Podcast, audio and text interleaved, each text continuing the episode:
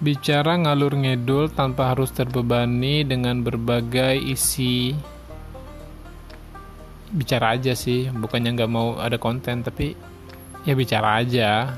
Ya bicara aja yang ngalur ngidul gitu aja udah. Hehehe.